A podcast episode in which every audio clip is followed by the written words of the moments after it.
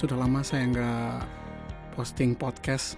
Ini karena fasilitas podcastnya yang saya punya ini ternyata uh, yang saya buat di lantai dua rumah saya ini nggak bisa dipakai dulu untuk beberapa waktu karena mati mati listrik. Kelihatannya ada masalah kelistrikan antara lantai satu lantai dua. Jadi untuk beberapa saat kita harus benerin dulu kelistrikan di lantai dua baru kita bisa lakukan podcast podcast lagi. Karena studio yang saya buat ini uh, memang berada di lantai dua jadi harus dibenerin dulu. Nah sekarang sudah oke okay lagi mungkin kita bisa mulai sering-sering podcasting lagi. Uh, ya uh, sekarang kita mulai ngobrol-ngobrol lagi seputar IT tentunya uh, seputar development. Uh, kali ini saya mau bawain suatu topik yang sudah umum, mungkin sering banget didengar.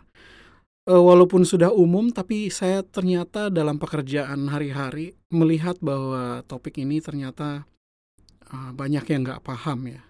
Uh, walaupun sering dengar, tapi nggak paham. Walaupun ngerasa paham, tapi ternyata memang belum paham gitu. Ini kenyataan yang saya lihat di di dalam dunia pekerjaan saya sehari-hari um, di Hyperjam kami uh, bekerja untuk beberapa klien untuk memperbaiki beberapa proses di dalam uh, operasional IT di klien kami. Karena sebagai apa uh, job desk dari kami itu memang untuk memperbaiki proses yang ada di mereka saat melakukan IT dalam development solusi, solusi membuat suatu solusi uh, dalam development proses mereka, dalam uh, SDLC mereka, IT excellence, uh, uh, IT delivery service dan lain sebagainya. Jadi saat kita um, investigate di klien, mereka sudah banyak yang adopt secara umum tuh apa SDLC seperti Scrum, uh, banyak sekali, hampir semualah kita lihat klien-klien hyper, uh, Hyperjam, klien-klien perusahaan saya itu sudah implementasi uh, agile proses dalam hal ini Scrum. Tapi begitu kita lihat bagaimana proses Scrum di dalam mereka, kita sadar bahwa man you are doing a wrong Scrum. Bahkan uh, saya nggak tahu ya why they actually pick Scrum gitu dalam prosesnya. Mungkin karena memang lagi hype perusahaan-perusahaan sekarang dalam software developmentnya itu mereka pada pakai Scrum lantas semuanya latah pakai Scrum.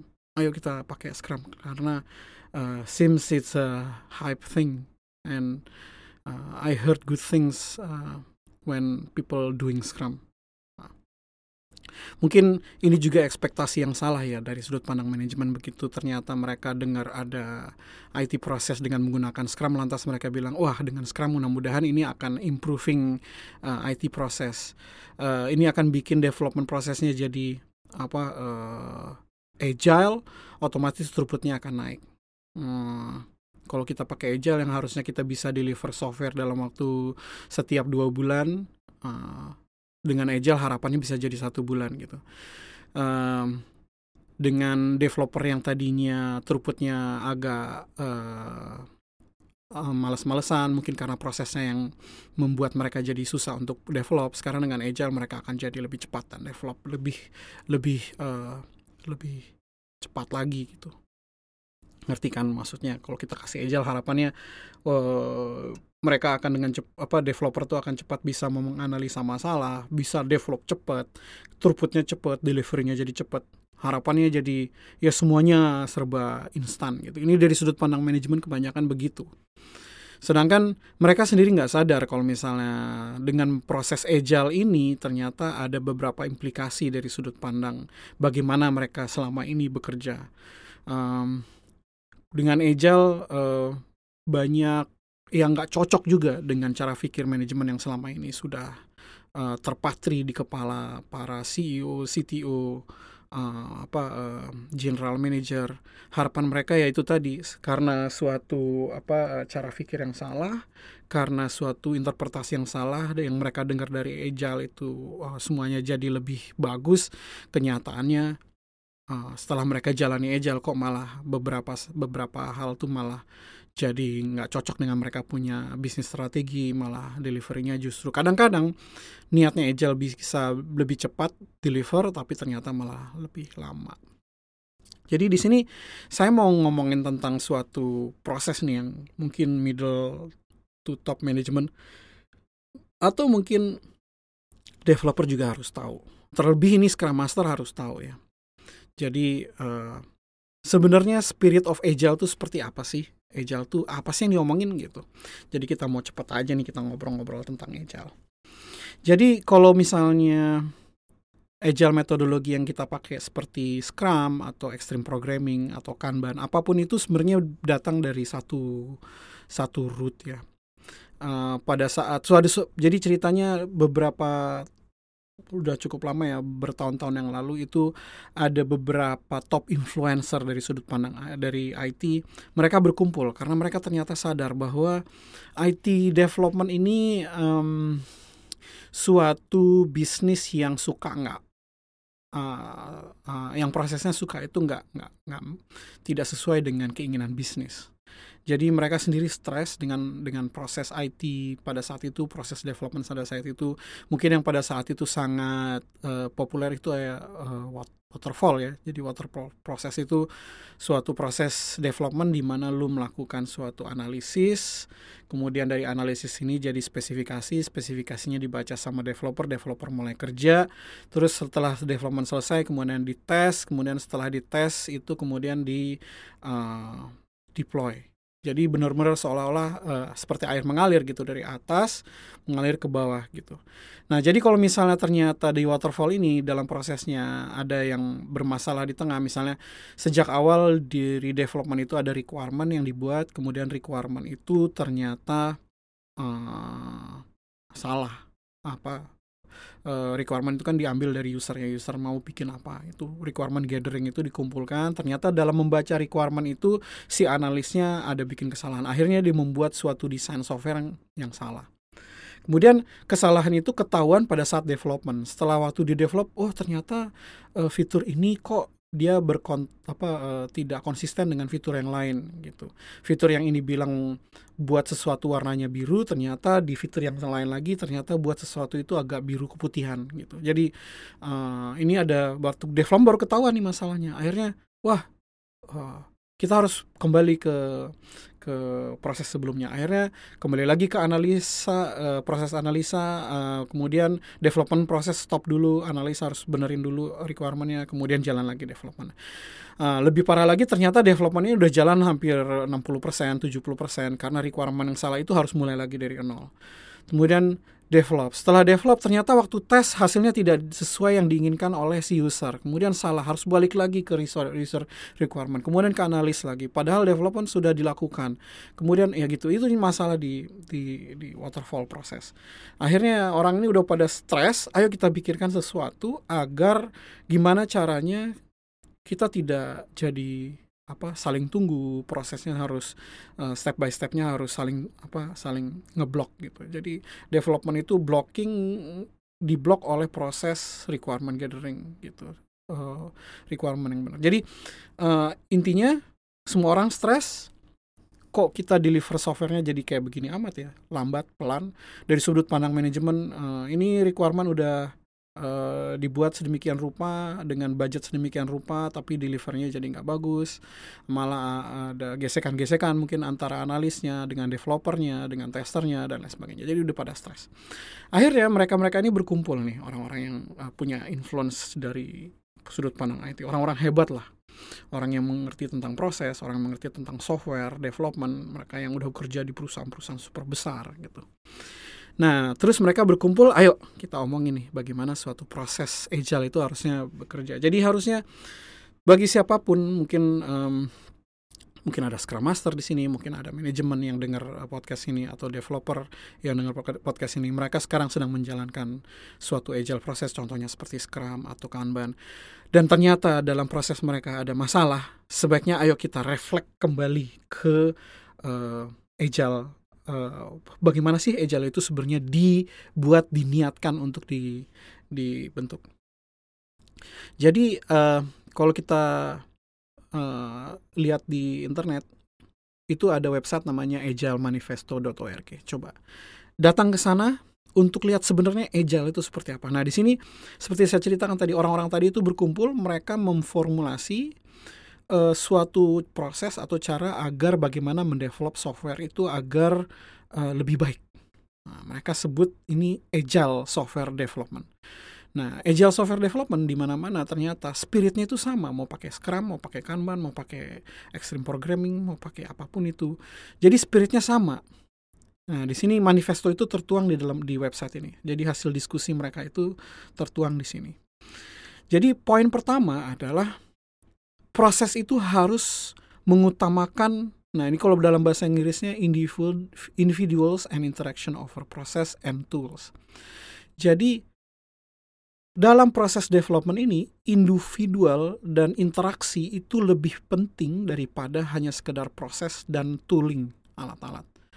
Jadi, komunikasi secara individual, secara personal, interaksi secara uh, langsung itu lebih baik dan lebih penting daripada interaksi dengan menggunakan tools gitu. In, jadi uh, komunikasi antara developer dengan tes tes uh, uh, developer dengan dengan apa uh, dengan uh, uh, analisnya analisnya dan usernya itu harusnya lebih mementingkan individual dan interaksi jadi proses-proses seperti oh requirement gathering itu kan proses tuh jadi dari user untuk bisa menceritakan apa maunya dituangkan dalam bentuk suatu apa uh, requirement gathering, kemudian jadi suatu requirement, kemudian jadi suatu high level requirement, kemudian low level requirement, kemudian jadi desain-desain ini segala macam. Itu tuh proses-proses yang justru itu uh, niatnya mungkin bagus ya untuk bisa menstrukturkan suatu requirement, tapi itu justru jadi hurdle, jadi masalah. Mendingan kita potong semua proses-proses itu jadi langsung dari user langsung ngomong ke developer. Nggak ada bias di tengahnya. Uh, itu kan sering kita lihat ya uh, proses komunikasi transfer itu kalau terlalu banyak proses di tengah dia cenderung sampai di ujungnya itu nggak bener banyak tuh kita lihat video-video lucu ya kalau misalnya orang saling dibariskan kemudian mungkin ada 20 orang dibariskan kemudian mereka uh, kupingnya uh, mereka berhadap menghadap ke belakang. Yang paling depan menghadap ke depan terus ngomong sama yang punya si user yang punya requirement dia bilang oh dengan bentuk gerakan saya tolong ini gerakan memasak. Kemudian yang pertama akan tepok yang di belakangnya untuk ngasih tahu gerakan memasak. Kemudian kedua tepok ke belakang menunjukkan. Jadi akhirnya ujung-ujungnya sampai di belakangnya kita semua pernah lihat ya video kayak begini. Ujung-ujungnya di belakang mereka bukan gerakan memasak tapi gerakan bersepeda kali ya. Jadi requirement kalau misalnya ternyata di tengah terlalu banyak proses dalam komunikasinya ini bahkan bikin suatu uh, misunderstanding Begitupun juga kalau dalam dokumentasi, berusaha didokumentasikan ternyata yang baca memang akan ada interpretasi yang berbeda.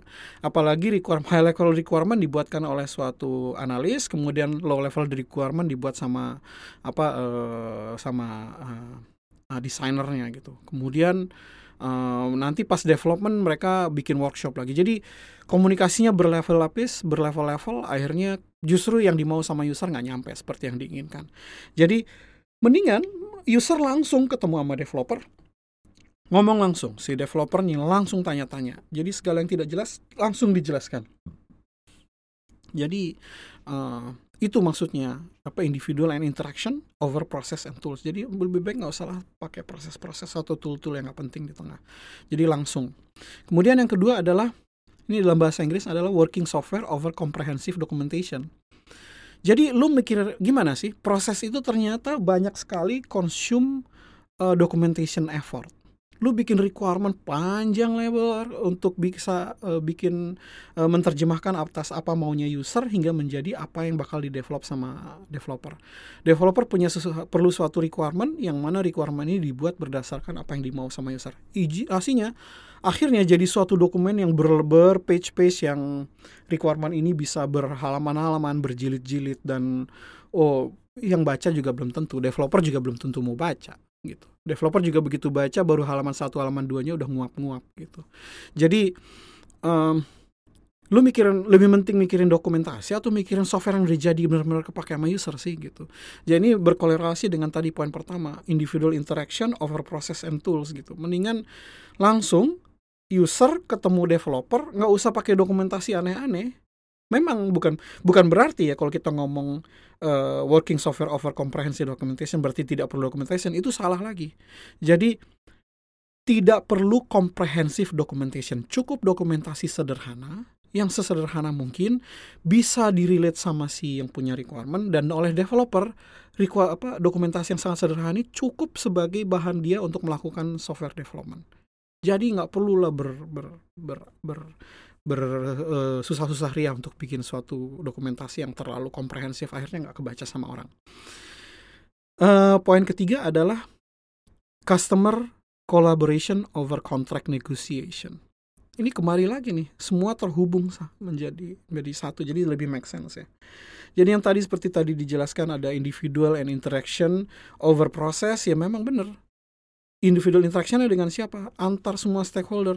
Developer dengan tester nggak perlu ada proses yang aneh-aneh. Developer dengan uh, uh, analisnya nggak perlu proses yang aneh-aneh. Developer dengan usernya malah langsung nggak perlu ada analis kalau perlu. Jadi langsung customer collaboration. Kalau bisa customer langsung berkolaborasi dengan uh, development timnya malah ada yang ada beberapa agile uh, approach yang mengharuskan bahwa ada customer representatif tuh dalam suatu development proses.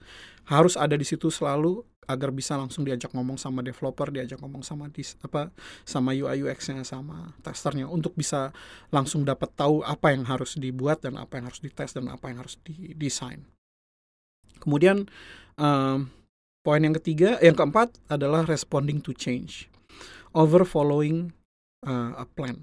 Jadi kalimatnya ya responding to change over following a plan daripada kita ngikutin proses ngikutin plan habis A atau terus B habis B terus C habis C terus D ini plan ini uh, justru jadi hambatan bagi suatu tim untuk bisa langsung bisa uh, ber, uh, ber ber uh, bekerja untuk menghasilkan uh, throughput dari apa yang mereka kerjakan. Udahlah nggak usah pakai plan-plan ini, langsung aja dipotong plan-plan ini. Langsung aja kalau misalnya ada Uh, contohnya ya, misalnya ada requirement datang ada user nih ngomong saya mau buat developer apa, development apa, langsung nggak ada babi bu, uh, langsung ditemukan sama developernya, de ini terjadi komunikasi antara mereka dua, developernya tahu apa yang harus di develop, kemudian di situ ada UI UX designer, mereka tahu apa yang mereka harus kerjakan, udah kerja aja masing-masing, nggak perlu harus tunggu developer harus tunggu UI UX, uh, eh, tester nggak harus nunggu developer, tester bisa langsung kerja loh, bisa langsung bikin merelate apa mereka punya test plan dari user dari dari requirement itu apa yang harus gue tes ya mereka sudah bisa bikin planning dari development mereka langsung udah bisa mulai coding dari sudut pandang UI UX mereka sudah bisa langsung bikin uh, uh, screen design. Terus kalau misalnya ada requirement berubah di tengah jalan ya udah jangan langsung ngomel-ngomel jangan jangan jangan jangan misuh-misuh gitu. Banyak sekali uh, apa uh, di klien kami itu selalu keluhannya ada requirement berubah di tengah jalan, requirement berubah di tengah jalan. Uh, terus mereka bilang requirement ternyata ini yang diintroduce ternyata mengubah requirement yang udah mereka develop berjam-jam. Jadi mereka kesel. Udahlah stop.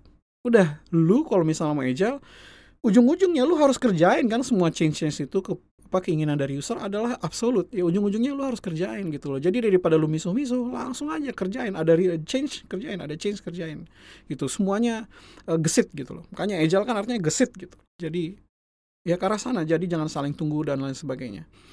Semua ini bisa diatur secara harmoni pada ujung pada pada akhirnya uh, akan menghasilkan suatu uh, pros, apa, uh, working product, working software. Ujung-ujungnya semua orang akan dilibatkan, uh, ujung-ujungnya semua orang bisa bekerja dengan cepat tanpa harus tunggu menunggu. Gitu. Di sinilah sebenarnya apa uh, uh, better way of develop developing. Nah, beberapa uh, agile proses itu uh, taking uh, even further. Seperti contohnya kalau misalnya agile seperti ini di uh, dijalankan di perusahaan-perusahaan tapi dengan mindset top manajemen yang terlalu sempit akhirnya malah akan buat orang tuh kerja dengan berlebihan. Mereka kerja terlalu apa dituntut bekerja dengan giat. Lu harus bisa berubah dengan cepat dengan dengan requirement yang berubah. Requirement bisa turun kapan aja delivery time-nya harus cepat. Ini requirement yang baru turun ini harusnya udah selesai kemarin. Akhirnya ya jadi orang tuh pada stress development padang padang lembur-lembur dan lain sebagainya. Jadi makanya ada beberapa metodologi seperti Scrum itu dia memprotek instruksi bagaimana suatu requirement itu dia dibentuk, bagaimana delivery time-nya, bagaimana mereka mengelompokkan suatu unit pekerjaan dalam schedule dua mingguan atau satu mingguan. Nah itu jadi pada prinsipnya mereka menggunakan spirit yang sama dalam agile manifesto ini, tapi mereka lebih uh, lebih elaborate agar uh, melindungi juga nih orang yang mengerjakan uh, software development ini agar tidak terbak, tidak tidak tidak uh, mengundurkan diri ya karena terlalu overuse. Jadi itu aja yang kita uh, bahas. Mungkin dalam podcast saya berikutnya. Uh, kita akan ngomongin lebih dalam tentang Scrum karena saya juga ini ada uh, ada ganjelan nih dalam hati. Kok Scrum proses yang kita punya itu yang di klien-klien yang saya temukan kok nggak kerja tidak bekerja seperti seharusnya? Banyak banget keluhan-keluhan daripada developer keluhan-keluhan dari top management. Begitu kita gatuin begitu kita pasangkan kita sandingkan oh ternyata ini adalah uh, penggunaan Scrum yang salah dengan interpretasi dan ekspektasi yang salah. Jadi ini harus diluruskan. Harapannya uh, uh, teman-teman bisa tune ke podcast saya berikutnya yang benar-benar ngomongin tentang uh, proses seperti Scrum karena populer banget. Uh, terima kasih teman-teman uh, sudah tune in di dalam uh, podcast kita kali ini yang membahas tentang agile proses uh, in the in the in, dalam keadaan yang sangat murninya sebagaimana telah diputuskan yang didesain oleh mereka-mereka yang berkontribusi berkontribusi dalam uh, Agile Manifesto. Terima kasih teman-teman. Uh, sampai ketemu lagi.